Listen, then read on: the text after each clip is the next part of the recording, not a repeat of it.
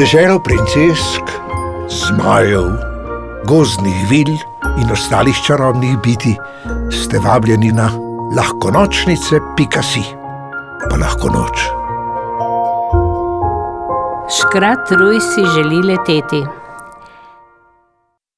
V krošnji divje jablane je v skritem duplu spal škrat Ruj. Sončni žarki tja notri skoraj nikoli ne posijejo, danes pa so se tiho prikradli v temo in požgečkali škrata po licu. Ruj je skočil po konci, pokukal v beli dan in se pritegnil. Ah, pa tako lepo sem spal, je glasno zazehal, in tako lepo sem sanjal. Slišala ga je veverica. Pritekla je po deblu navzdol in pokukala v duplino. Dobro jutro, Ruj, ga je pozdravila. Kaj pa si sanjal? Škrat se je zamišljeno zazrl nekam daljavo in na njegovem obrazu se je zarisal prav poseben nasmešek. Ne povem, skrivnost je. No, pa naj bo skrivnost, se je nasmehnila veverica in se namenila po svojih opravkih. Kaj pa ruj? Iz pernice je izvlekel dve puhasti peresi in zlezel iz dupline. Globoko je vdihnil svež gozni zrak, čvrsto prijel peresi in začel sunkovito kriliti z rokami. Mislili bi si, da je to jutranja telovadba, pa ni bila. Bilo je nekaj škratovsko trapastega. Ruj je vse hitreje krilil z rokama, na to pa je, hop, skočil v globino. Tresk, bum, se je zaslišalo trenutek pozneje. Av! Veverica se je hudo prestrašila. Ruj je zaupila in mu ne mudoma stekla na pomoč. Kaj se pa greš? Obunkan in opraskan se je škrat vrnil v duplino. Vevarica ga je skrbno pretipala, mu na praske položila trpočeve liste, na buške pa hladilne obkladke. Srečo imaš, da se nisi polomil, je zaskrbljeno rekla. Le kaj te je prijelo? Izpod povojev in obkladkov je Ruj prav potrto gledal v svet. Globoko je vzdihnil. Veš, imel sem čudovite sanje. Sanjal sem, da sem letel. Kot ptica sem letel nad našim gozdom, nad reko, dvignil sem se visoko nad oblake. Potem sem se zbudil in, ojej, reče veverica in globoko vzdihne. Ja, vem, ruju je nerodno. Hitro si potegne obkladek ščela čez obraz. Močno se mahal z rokami, a najbrž ni se mahal pravilno. Veverica je prepričana, da škratu še tako spretno mahanje ne bi pomagalo. Ta bitja pač niso ustvarjena za letenje. Verjetno bi potreboval učitelja letenja, razmišlja Ruj. Prosil bom ptico, da me nauči. Dobra učiteljica je. To vem, ker uči leteti svoje mladiče. Ali pa bom prosil gosenico. Veš, ona ne bo celo življenje gosenica. Zabubila se bo in se razvila v metulja. In metulji znajo zelo dobro leteti. Veverice se ta zamisel zdi slaba. Rujevi načrti se ji zdijo preveč visoko leteči, da bi se jih dalo uresničiti. Najbolje bi bilo, reče, da se sprijazniš, da škrati pač ne letite. Tudi veverice ne letimo. Polhi prav tako ne. Polš, na primer, samo leze, še skakati ne more. Ampak, veverica, ti ne razumeš. Veš, kako čudovito je bilo videti svet z višine. Reko in gore v daljavi, krošnje dreves, človeške vasice nekje daleč spodaj. Teh sanj ne bom nikoli pozabil, nikoli. Srčno si želim leteti. Ko sta tako klepetala, sta predramila sovo, ki je počivala na veji nad rujevo duplino. Zbudila se je in prisluškovala njunemu pogovoru. Nisi mogla kaj, da ne bi še sama pripomnila kaj modrega. Ti, škrat, brez glavo si se lotil zadeve, se je oglasila. Že res, da te narava ni obdarila s krili, tako kot nas ptice, imaš pa spretne roke in bistre možgane. Mladi škratje ste zelo iznajdljivi. Vaše zamisli so izvirne in uporabne, če le niso preveč zaletave. Zagotovo si lahko kaj izmisliš. Pot do letenja zate res ne bo lahka, ni pa nemogoča. Za trenutek potonejo v razmišljanje, potem pa se plaho oglasi ruj. Najbrž bi moral izdelati nekakšno letalno napravo. No, vidiš, saj ti gre, se spodbudno nasmehne sova. Biti bi morala lahka, a čvrsta, nadaljuje škrat. Kar še razmišljaj in narava naj ti bo v navdih.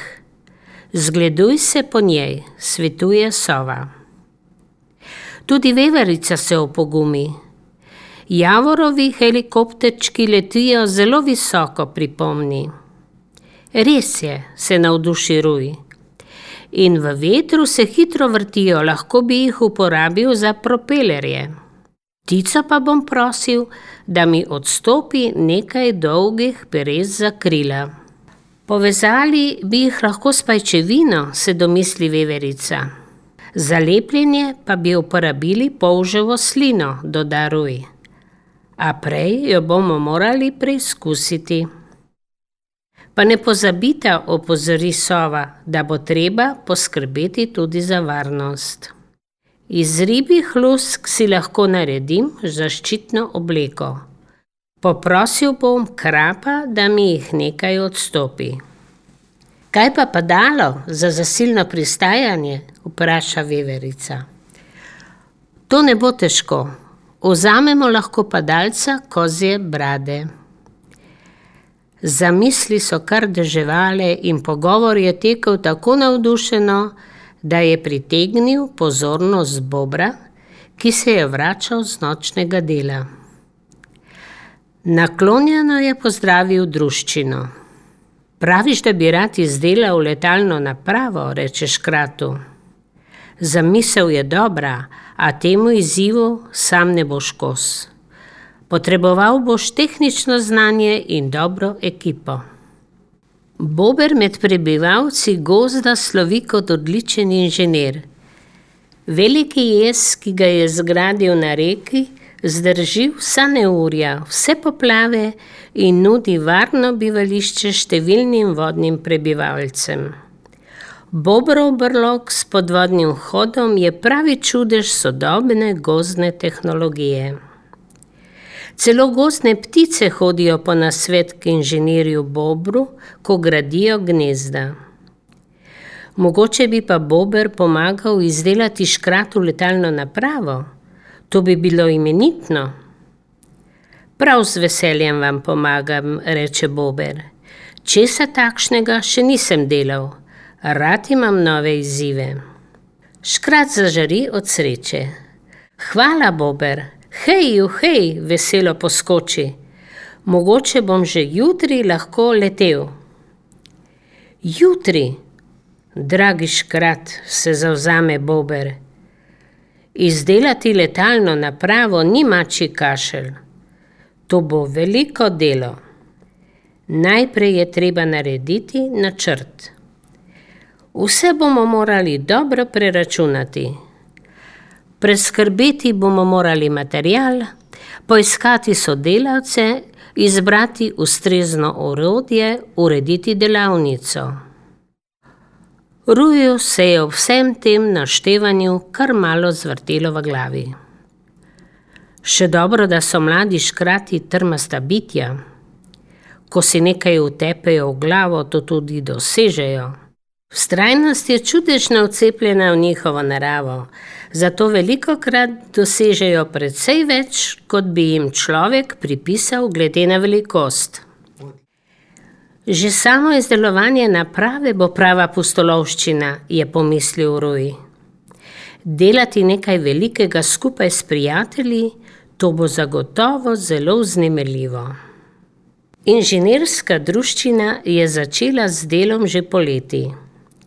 Risali so in merili, na velikih krpah brezovega lubja so nastajali zapleteni načrti. Sova je iz gozdne knjižnice prinesla učene knjige, prebirali so jih in se dolge ure pogovarjali o prebranem. Delavnico so si uredili v skalnati votlini, zraven je pa so postavili skladišče. V njem so nakopičili vse, kar bi utegnilo priti prav. Letalna peresa, fino gabrovo ličje, najrazličnejše plodove, ki se raznašajo z vetrom, pajčevine na lesenih okvirjih, trdoleskine palice, vitke srobotove ovijalke, čebeli vosek, sočke polžje sline, sklede rosikine rose, ribje luske in še veliko drugega. Poletje se je prevesilo v jesen in kljub pripravam na zimo so dela neprekinjeno tekla. Tolmun je zamrznil, zapadel je sneg. Na gost je legel globok zimski mir, le v delavnici je bilo živahno. Ruj in Bober sta mrljivo žagala in razljala, šivala in lepila, zabijala in vijačila, pletla in premazovala. Tudi veverica je večkrat prekinila svoj zimski dremež in jim prišla pomagat. Ob koncu zime so bila velika dela zaključena in na prvi pomladni dan so Bober, veverica, sova in ruj privlekli letalno napravo iz delavnice. Na obrežju Tolmuna se je zbrala množica radovednih gozdnih prebivalcev. Zdaj pa bo. Škrat Ruj si je nadel čelado in zaščitno obleko ter zlezel v najbolj nenavadno stvar, kar jih je kdo kdaj videl. Spominjala je hkrati na zmaja in helikopter, malo pa tudi na netopirja. Imela je rep in krila, propelerje, zakrilca, krmilno napravo in hupo. Škrat je slavnostno pomahal zbrani množici.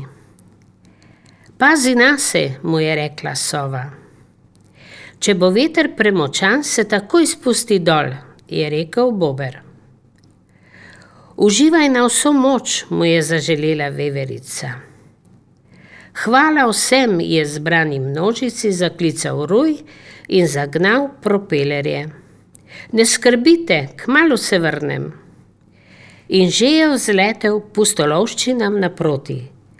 Letel je nad gozdom, nad reko, ki se je kot srebrn trak vila daleč spodaj, se dvignil visoko med oblake, zavil proti goram, ki so se risale na obzorju. In bilo je še bolje, kakor v sanjah ker je bilo resnično. Pravljico napisala Tinka Bačič, pripovedovala Mija Krsmanovič.